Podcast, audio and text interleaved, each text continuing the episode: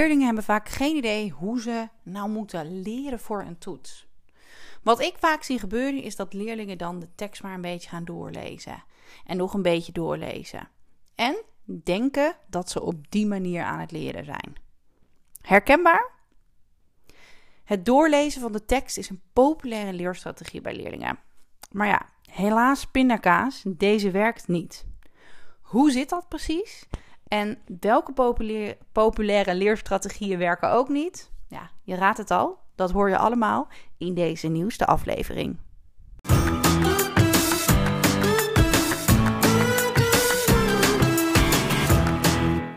Wat leuk dat je luistert naar de podcast van het Leerlab. In deze podcast leer ik docenten, mentoren, coaches, SLB'ers, LOB'ers, eigenlijk alle onderwijsprofessionals die je kan bedenken, alles over leren, leren en plannen. Wat zegt de wetenschap?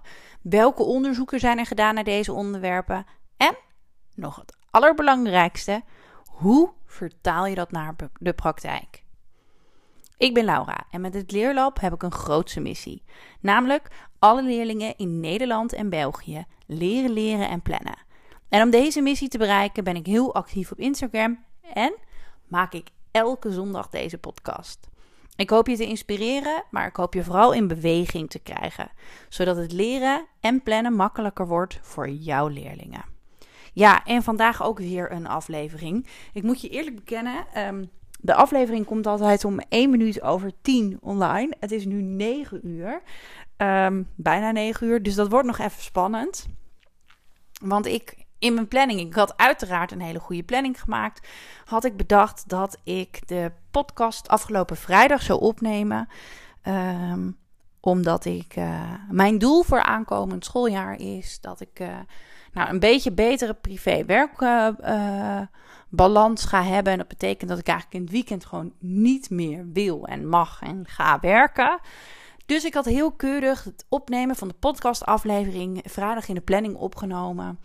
Uh, maar ja, afgelopen vrijdag was ik zo lekker bezig met uh, het e-book. Uh, dat ik voor jullie aan het maken ben. Um, dat het er gewoon even niet van gekomen is. Um, of nou ja, gewoon even niet. Het ging natuurlijk niet helemaal vanzelf. Laat ik dat wel even heel eerlijk zeggen. Want ik was druk bezig voor jullie met het e-book afgelopen vrijdag. En in het begin ging ik wel lekker, maar op den duur dacht ik echt: wat ben ik aan het doen? Of nou, ik dacht niet meteen wat ben ik aan het doen, maar ik dacht wel: nou, dit, dit gaat niet zo goed. Wat moet ik nou schrijven? En ik heb geen inspiratie. En ik, ik heb toch alles al gedeeld. En wie zit er nou te wachten op een e-book? En ik ben natuurlijk ook bezig met een, uh, een online training voor docenten. Een training vol praktische tips die je gewoon in je eigen tijd kan volgen. Nou, ik ging ineens over alles twijfelen. Nou ja, dan begrijp je natuurlijk al. Dan komt de inspiratie al helemaal niet meer. Um, dus toen ben ik even gaan lunchen. Toen ben ik gaan wandelen. En, uh, uh, en zelf een uh, inspirerende podcast gaan luisteren. En toen, ja, toen dacht ik, ja, jawel. Dit kan ik ook, dit komt goed. Ik ben wat uh, reacties gaan bekijken van de mastermind van de afgelopen schooljaar. Uh, uh, hè, wat ze hebben geleerd, wat het ze heeft opgeleverd. Ik heb opgeschreven wat wel allemaal goed ging. En toen kwam ik na de lunch weer lekker in een flow. Uh, maar toen kwam mijn vader thuis, want ik ging even met mijn vader alle financiën van het leerlab op een rijtje zetten. En dat worden natuurlijk steeds meer en meer. Um, ook omdat we straks natuurlijk een kantoor gaan huren. Dus ik wilde gewoon graag overzicht hebben. Wat, wat, wat moet er gefixt worden? En um, nou, ik dacht dat doen we even een uurtje. Dat deden we niet in een uurtje. We zijn uh, drie uur, uh, denk ik, uh, bezig geweest. Wat hartstikke goed en heel fijn is. Ik ben ook heel blij dat mijn vader dat even met me gedaan heeft. Altijd fijn als er gewoon even iemand met je meekijkt. Mijn vader is gewoon super handig in Excel. Dus nou, dat was echt top. Maar ja, toen was het kwart over vijf, half zes. Ik kan je eerlijk bekennen, toen had ik niet zo heel erg veel zin meer om een podcast op te nemen. Dus ja, het is nu zondagochtend en dat betekent dat ik nu toch voor jullie uh, liggend, zittend vanaf mijn bed uh, de podcastaflevering voor jullie aan het ga opnemen. En ehm, ik ga gewoon volgende week de uitdaging nog een keer aan. Ik plan hem volgende week gewoon weer op vrijdag. Dan moet het trouwens wel echt op vrijdagochtend. Want aan het eind van de ochtend heb ik de sleuteloverdracht van, ehm, ja, van het kantoorpand. Dus dan kan ik, uh, ga ik gewoon natuurlijk meteen aan de slag in het pand. En kan ik, uh, daar kan ik natuurlijk niet meer die podcastaflevering opnemen. En zeker in het weekend ook niet, want we hebben een heel klus weekend voor de boeg. Dus volgende week gaat me dat vast en zeker lukken. Um, ja, nu heb ik natuurlijk wat verteld over de e-book en die online training die er gaat komen. Denk je, oeh, dat vind ik nou wel echt super interessant. Op de website van het Leerlab, www.hetleerlab.nl, kun je onder nou ja, de strook bij Alles voor Docenten, kun je je aanmelden voor um, uh, de interesselijst eigenlijk. Je zit dan echt nergens aan vast. Als je je inschrijft op de, de lijst van het e-book, dan krijg je uh, gewoon als eerste mailtje als het e-book klaar is. Ik hoop dat dat ergens september, oktober zal zijn. En datzelfde geldt eigenlijk ook pardon, voor de online training. Dan krijg je ook een mailtje dat die beschikbaar is en dat je hem kan kopen. Je hoeft hem dan niet te kopen, maar de mensen die op de interesselijst staan, die krijgen natuurlijk een toffe eerste, uh, nou ja, actiescode, uh, kortingscode om deel te nemen. Genoeg over de e-book online training of mastermind. Want van de mastermind kreeg ik trouwens ook uh, afgelopen week nog een berichtje van iemand. En die vroeg zich af of de mastermind ook wel iets um, voor haar zou zijn. Um, als je nou twijfelt of de mastermind iets voor jou is, wat je er gewoon even kan doen, is mij een mailtje sturen. Laura.leerlab.nl Of gewoon even een DM via Instagram dat je twijfelt, welke vraag je hebt. Um, dan neem ik even de tijd om die te beantwoorden. Uh, of we plannen gewoon even een belafspraak in om te kijken of de mastermind een match is voor jou. En ik ben er altijd heel open en eerlijk in. Als ik denk dat het niks is, zal ik dat ook zeker zeggen. Genoeg over al die toffe dingen die eraan zitten te komen. Um, in de aflevering van vandaag wil ik het graag met je hebben over een aantal populaire leerstrategieën. Of nou ja, populaire leerstrategieën bij leerlingen. Um, maar ja, leerstrategieën die populair zijn, maar absoluut niet werken. Um, ja, ik gaf het net eigenlijk ook aan. Mijn ervaring is inmiddels, ik ben de afgelopen jaren natuurlijk echt ondergedompeld in het leren leren. Leerlingen hebben echt geen idee hoe ze iets moeten leren. En de tekst dus maar gaan doorlezen. En op den duur is dat de leerstrategie voor de leerling. En deze leerling denkt ook oprecht dat dat ook echt leren is en dat dat werkt. En dat zal vast heel herkenbaar voor je zijn.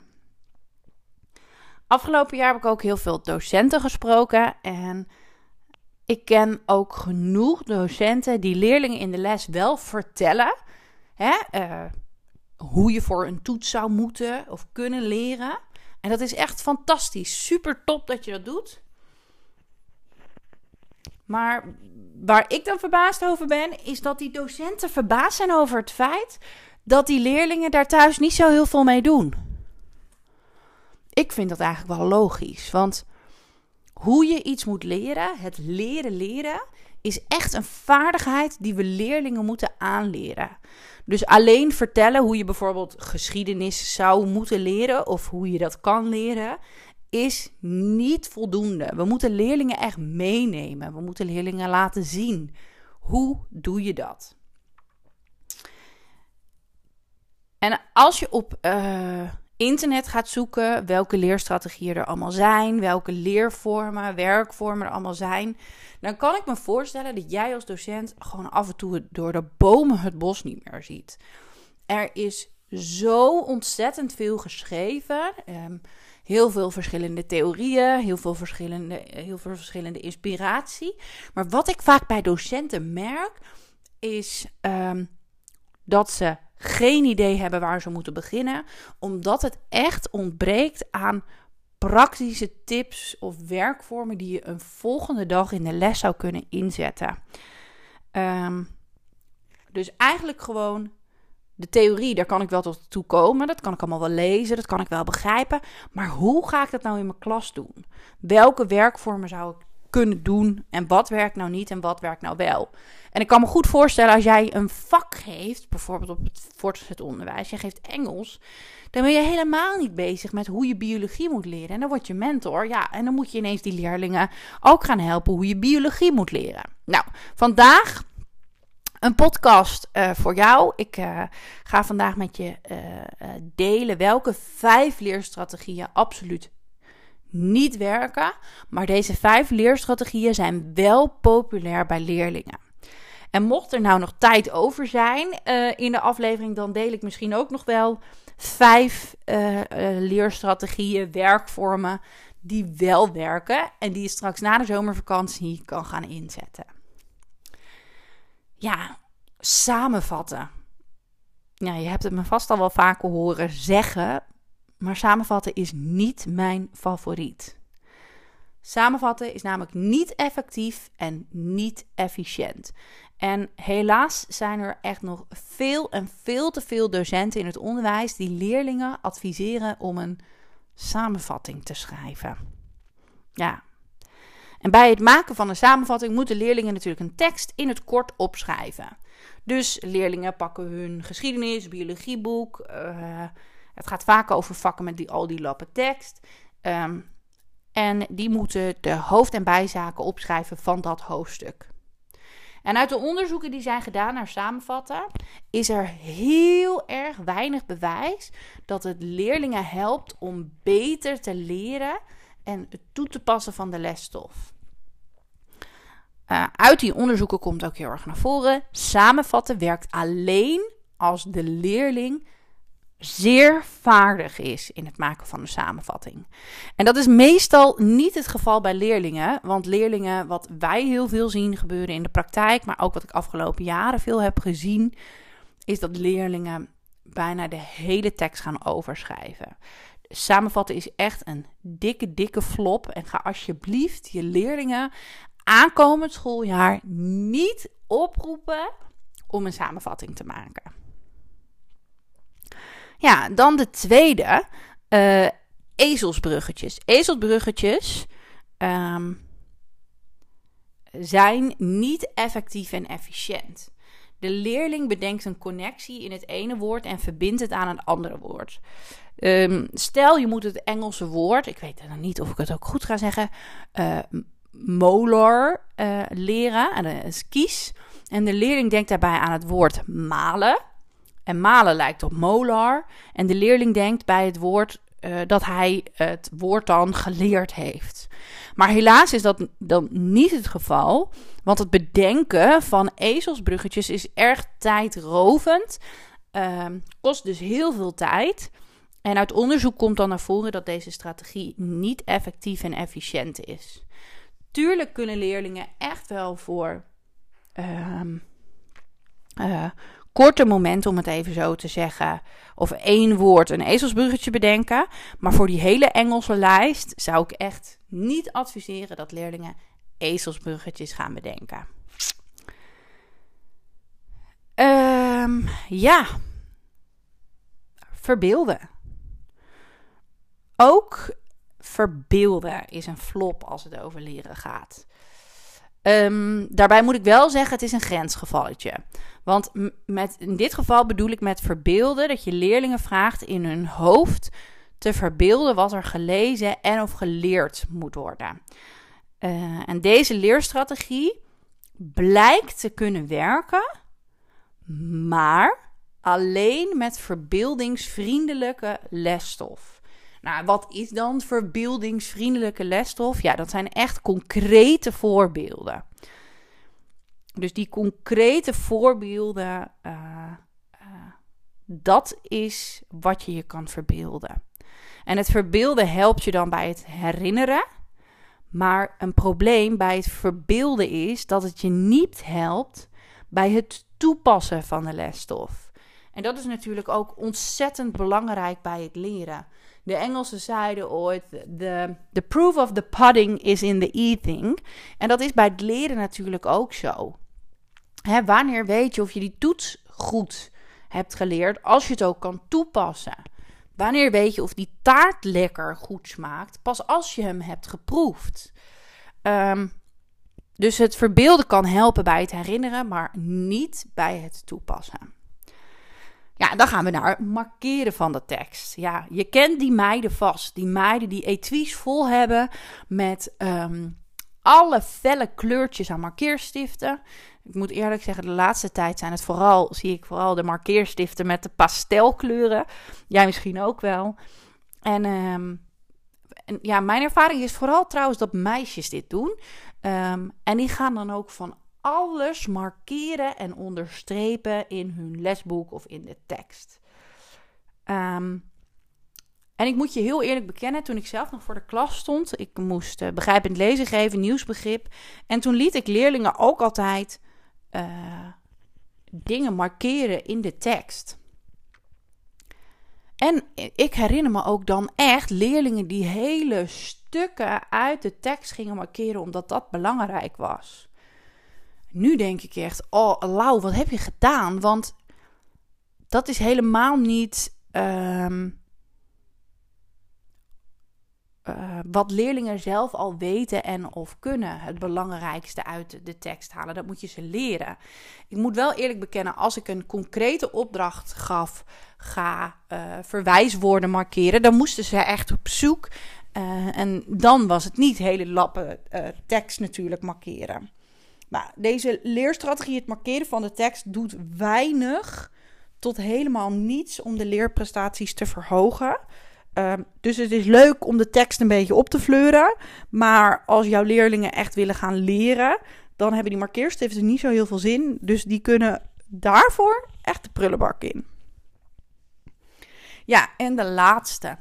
De laatste flopper eigenlijk. De laatste leerstrategie die gewoon niet werkt. En dat is denk ik wel de meest populaire leerstrategie die leerlingen inzetten als ze gaan leren. Ik denk dat jullie uh, al kunnen raden waar het over gaat, want het gaat natuurlijk over herlezen. En tuurlijk kun je herlezen inzetten. bijvoorbeeld om de informatie te checken waar het ook alweer over ging of om bijvoorbeeld de tekst beter te begrijpen. Maar als je herlezen gaat inzetten om te leren, dan werkt dat niet. Leerlingen hebben het gevoel dat ze het kennen, maar dat is niet het geval. Het herlezen heeft echt alleen effect op het opsteken van wat er in de tekst staat. En dat heeft totaal geen effect op het onthouden, begrijpen en toepassen van de lesstof. En over deze laatste wil ik gewoon nog wel wat meer uitleg geven, omdat, um, omdat deze gewoon heel veel wordt ingezet. Misschien heb je het ook wel vaker gehoord, leerlingen overschatten zichzelf heel vaak. Ze denken dat ze de tekst goed kennen. En dat is ook wel wat er gebeurt. Als je gaat lezen, dan komt de lesstof in het korte termijn geheugen terecht. Nou, dat is natuurlijk niet waar je de stof wil hebben. Je wil de lesstof in het termijn geheugen hebben. Um, en het probleem is, uh, die leerling zit boven op zijn of haar slaapkamer. Die komt, uh, heeft de tekst een paar keer doorgelezen en die komt naar beneden. En pa of moe vraagt: Hey, uh, heb je goed geleerd?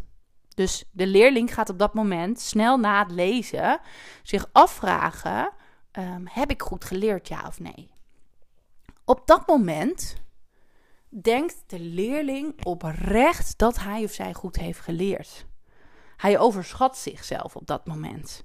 Maar hij heeft echt het gevoel dat hij alles nog weet en of kan uh, en kent.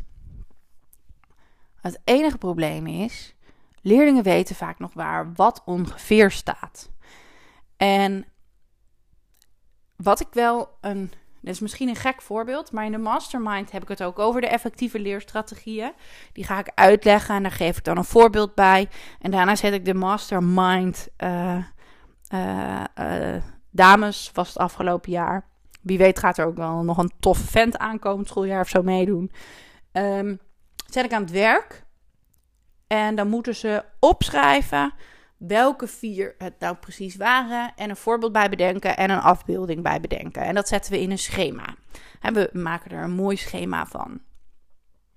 Die week daarna kom ik er weer op terug. Hè, wat was het ook alweer?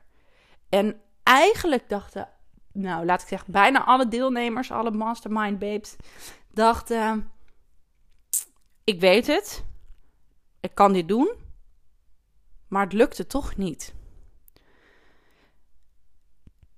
Dus dat herhalen is zo ontzettend belangrijk. Deze, uh, deze deelnemers dachten: ik weet die vier leerstrategieën nu wel. Hoezo moet ik dat weer opschrijven?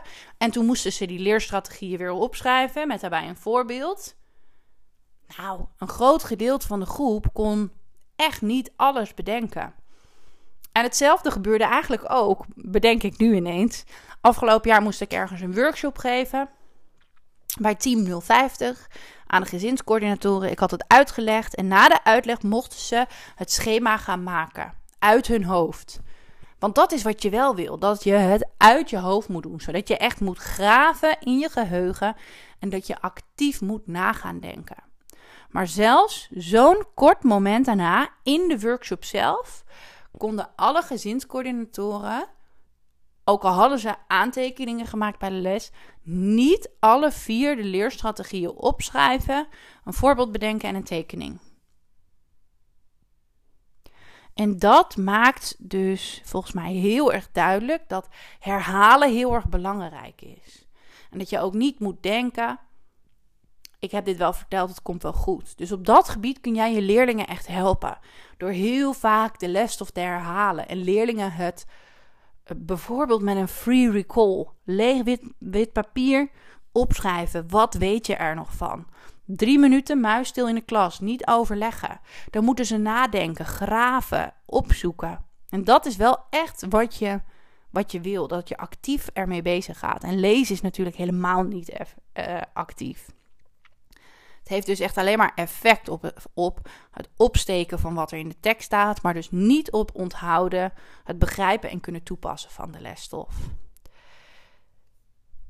Deze vijf leerstrategieën zijn dus rete populair bij leerlingen, maar werken niet. Ik zet ze nog even één keer voor je op een rij. Samenvatten, ezelsbruggetjes, verbeelden, het markeren van de tekst en herlezen.